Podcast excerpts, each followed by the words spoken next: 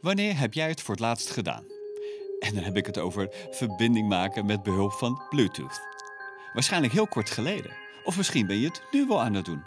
Als je deze podcast luistert met draadloze oortjes, is dat waarschijnlijk Bluetooth-technologie. Sterker nog, over de hele wereld maken mensen dankbaar gebruik van deze draadloze technologie. Maar wat weet jij eigenlijk over Bluetooth? Wist je bijvoorbeeld dat het een Nederlandse uitvinding was? Nou, met die uitvinder ga ik straks in gesprek. En daarnaast heb ik nog een aantal experts uitgenodigd om te praten over de veiligheid van Bluetooth of de toekomst. Want in een wereld van wifi, 5G, 6G hebben we dan eigenlijk nog wel Bluetooth nodig? Nou, het antwoord op die vragen krijg je in deze aflevering van De Wereld van ICT en deze podcast is powered by Commit.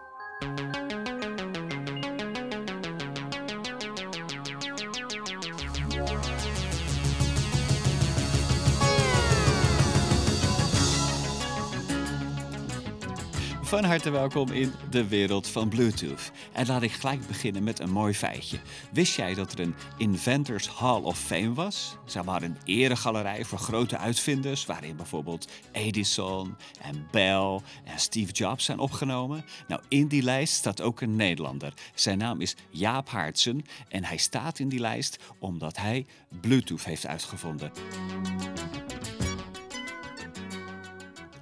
Zijn naam zal dus voor altijd verbonden zijn aan die van Bluetooth. Dus mijn eerste vraag aan Jaap is dan ook: Word je al moe om steeds over Bluetooth te vertellen, of vind je het nog steeds wel eervol? Nou, ik, natuurlijk vind het nog steeds wel eervol, maar ja, dus ik zie het ook als uh, ik was daar op de goede plek, op de juiste tijd, met de juiste mensen om me heen.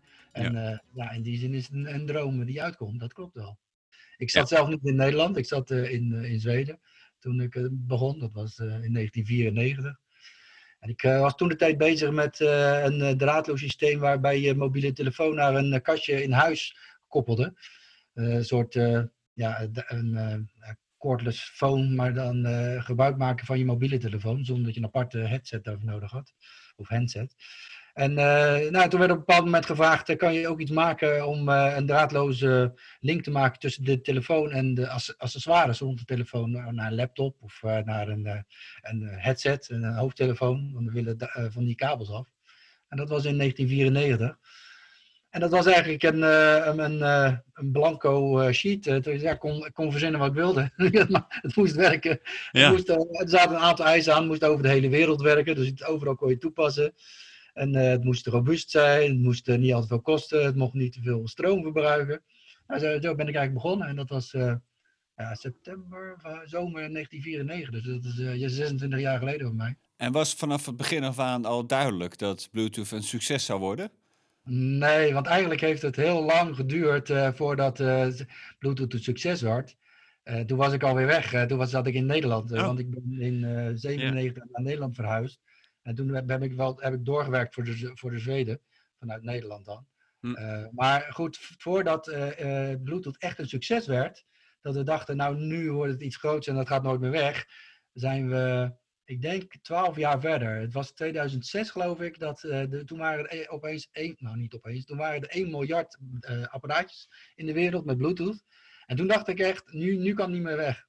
Mhm. Maar ja, dat, dat, dat was twaalf jaar later alweer. Dus daar gaat een hele lange tijd overheen. Want ja. het denkt iets uit. Maar ja, dan, dan, moet het ontwikkeld worden. Dan moet de markt het accepteren. We hebben ook nog de, de internetbubbel gehad eh, rond 2000. Dus alles werd vertraagd. Ja. En Bluetooth, eh, dat was uh, goed opgeklopt, van dat komt eraan. En nou, toen, kwam het maar niet. Dus ik heb negatieve reacties in, in de pers van, nou, het werd ons beloofd en, en nu is het nog steeds niet. Ja. Maar ja, toen werd het daar 2004, 2005, toen kwamen de producten op de markt. En nou, 2006 was er een miljard.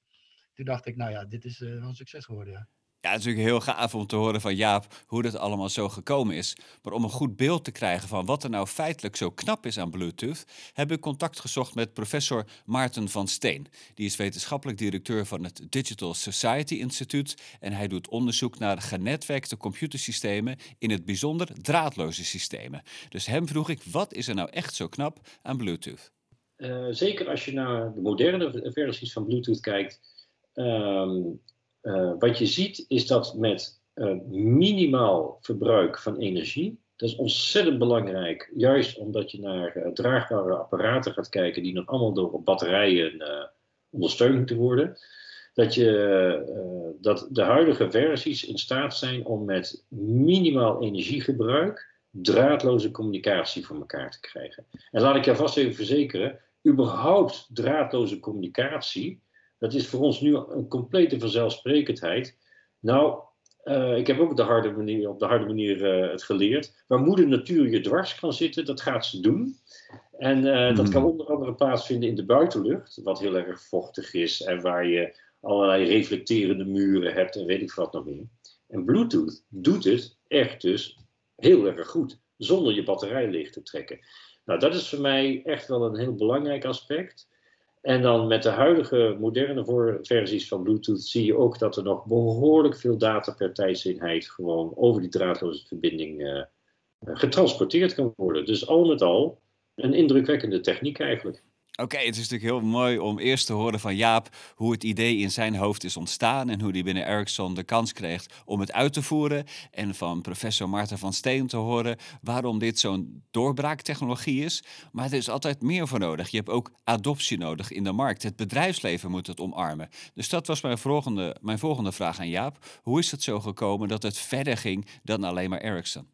In, uh, nou, ik begon in 1994 en in, in 96 of even kijken hoor, 96 of 97 begon Ericsson na te denken van ja, dat heeft Jaap wel leuk ontwikkeld, maar wij maken mobiele telefoons.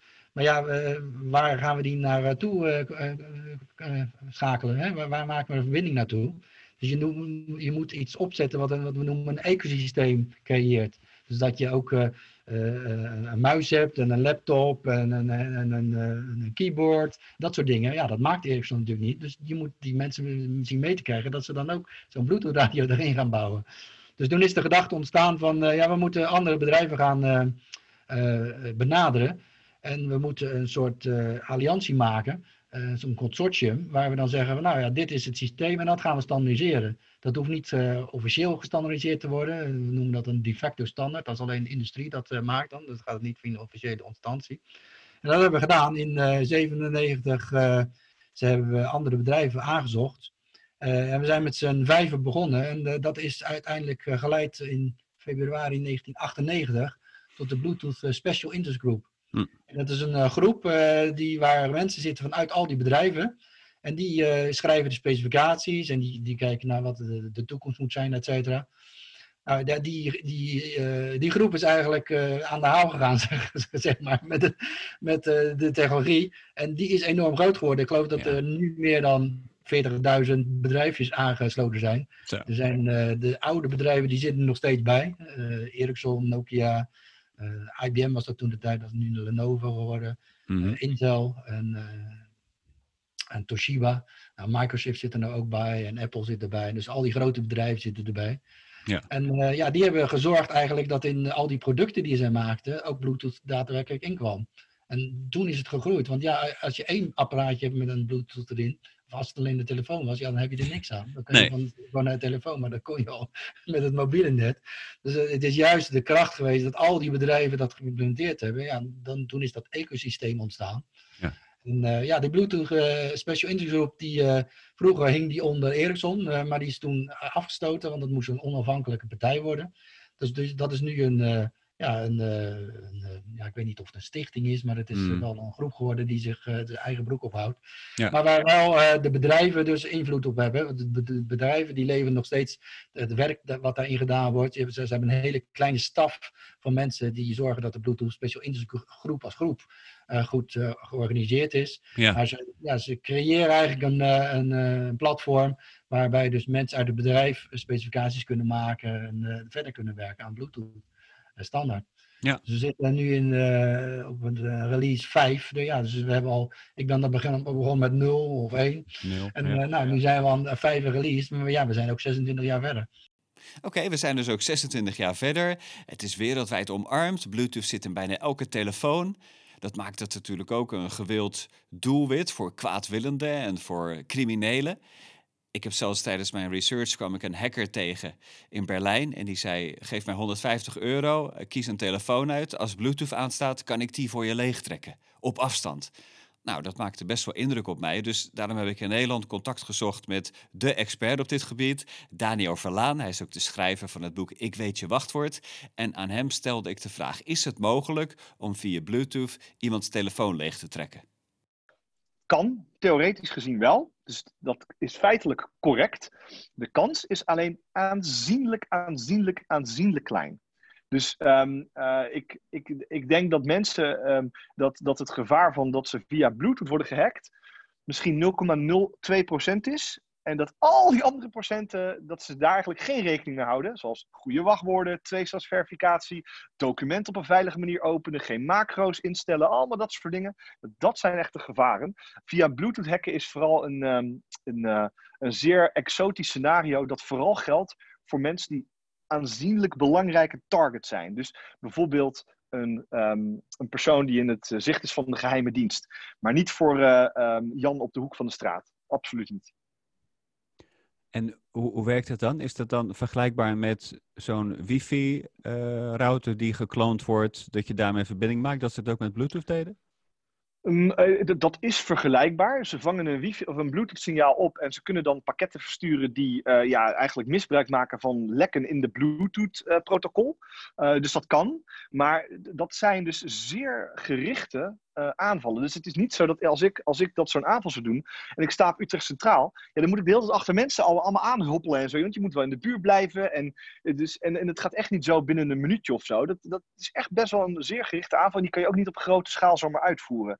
Dus dat zorgt ervoor dat zo'n aanval in het wild niet zoveel voorkomt en ook niet echt een dreiging is. Terwijl bijvoorbeeld uh, het hergebruik van wachtwoorden en automatisch je account kraken, omdat je dezelfde wachtwoorden gebruikt, dat kan op grote schaal en geautomatiseerd. En daardoor vormt het voor veel meer mensen een dreiging. Oké, dat Bluetooth dus zo lek is als een mandje, dat is niet waar. De kans dat je gehackt wordt via die technologie is uiterst klein. Dat heeft Daniel ons wel verteld. Maar een andere vraag die ik heb over de toekomst van Bluetooth is natuurlijk: wat nou als ja, elk gebouw uh, wifi heeft of 5G overal is, of misschien de opvolger daarvan, hebben we dan nog die technologie die al 26 jaar oud is, die Bluetooth, hebben we die nog nodig? Die vraag die stelde ik aan professor Sonja Heemstra. Zij is professor aan de Universiteit van Eindhoven en ook de directeur van de Center for Wireless Technology in Eindhoven. En zij weet alles bijvoorbeeld over 5G, maar zij werkt ook al aan 6G en haar stelde ik de vraag, is er nog een toekomst voor Bluetooth? Ik denk dat wel. De toekomst is een meer, eh, Bluetooth is iets uh, dat het voor heel korte afstand, hè, tussen meestal eh, verschillende apparaatjes. Hè. Uh, so in de medische, ook in de medische wereld, uh, low, Bluetooth Low Energy is heel belangrijk. Uh, ja, ik, ik, gebruik Bluetooth om de deur van mijn auto open te maken, bijvoorbeeld. Oh ja. Dat is, ja, ja. Vind ik, so, je ziet dat, dat voor deze type toepassingen eh, meer directe communicatie eh, tussen ook als het 5G de mogelijkheid biedt, ook eh, devices met elkaar te laten communiceren. Ik denk dat uh, ook, ook qua prijs, dat, uh, dat Bluetooth, uh, die gaat ook overleven. En die komen meer en meer generaties. So, alle technologieën evolueren. Hè? Mm. Je kan ook sensoren in je lichaam hebben, hè, voor verschillende aspecten. Hè? Dat, en die kunnen communiceren met je telefoon via Bluetooth Low Energy. En dan voor dat is het belangrijk, want die energie zuinig uh, iets is ontzettend belangrijk. Dat, ja, je kan niet de batterijen of bijvoorbeeld in de toekomst kun je ook uh, sensoren in je, in je kleding hebben. Hè, hmm. Die meestal communiceren voor heel lange, heel korte afstand. Hè, want de afstand... Uh, de langer de afstand, de meer energie dat je nodig hebt. Hè. Zo je communiceert ja. naar uh, een telefoon bijvoorbeeld. En dat doe je via iets als Bluetooth. Ja? Nou, dat is in ieder geval duidelijk. Er is wel degelijk een toekomst voor Bluetooth. Juist omdat er misschien steeds meer verbindende technologieën komen, steeds meer Internet of Things, groeit de markt alleen maar naar die laatste afstand, die korte afstand tussen apparaatjes, tussen sensoren. En dan is de killer app van Bluetooth is nog steeds dat low energy. Dat is wat professor Van Steen zei en dat is ook wat professor Heemstra zegt. Het is heel knap hoe weinig energie Bluetooth nodig heeft voor die korte afstanden. Dus daar zijn we een klein beetje gerustgesteld. We weten iets over de historie van Bluetooth, we weten iets over de toekomst van Bluetooth. Maar de echte vraag is natuurlijk: zou Jaap Haartse misschien nog een keer dat kunstje kunnen flikken? Zit hij nog op iets te broeden op dit moment? Ja, maar niet, ik, zit, ah, ik, ik zit elke dag op iets te broeden. Ik, ik zeg ook altijd, en als ik een dag eh, niet iets nieuws ge- eh, geleerd heb, dan is eigenlijk een, een, een, niet een geslaagde dag voor mij. Maar ik denk niet dat het zoiets wordt van eh, waar de hele wereld weer. nou, ik zeg al, ik was, dit gebeurt je, nou ja, voor de meeste mensen, gebe- researchers gebeurt het nooit. Voor mij is het gebeurd omdat ik op de goede plek was, met de goede mensen, de goede tijd. En om weer zoiets te creëren, ja, dat, dan moet er wel heel wat gebeuren. Dat, Hmm. En aan de andere kant, ja, ik, eh, ik zie ook wel, eh, ik heb veel gedaan en eh, ja, ik, ik haal nu even meer de krent uit de pap. Wat vind ik leuk, daar werk ik aan. Ja, En, ik vind nog steeds dingen uit, dus ja, ik Ja. zeg al, het, het, het brein werkt nog. ja Maar, je kan het ook niet laten. Hè? Dat is een goede eigenschap volgens mij. Ja, wat een succesverhaal is dat Bluetooth toch. En wat geweldig hoe normaal en gewoon eigenlijk Jaap is gebleven. Zijn ongewone uitvinding die de wereld verovert. En ondertussen zit hij nog steeds in Drenthe. Heerlijk te broeden op ideeën. Hij zit dingen uit te vinden. Hij werkt nog steeds aan headsets, aan raadloze technologie. En ja, Bluetooth is natuurlijk super hot. Dus in de volgende aflevering van deze podcast gaan we praten over die corona-app. Over de corona-melder. Want die maakt gebruik Bluetooth. En daar was een hoop discussie over. Ik ga uitvinden waar die discussie over ging en of die terecht was. Voor nu zeg ik bedankt voor het luisteren. Kijk op www.wonderenwereld.nl voor meer informatie over deze podcast. Daar vind je ook video's met de professoren. En natuurlijk ook de plek waar je kunt abonneren op de podcast De Wereld van ICT. Voor nu bedankt voor het luisteren en blijf je verwonderen.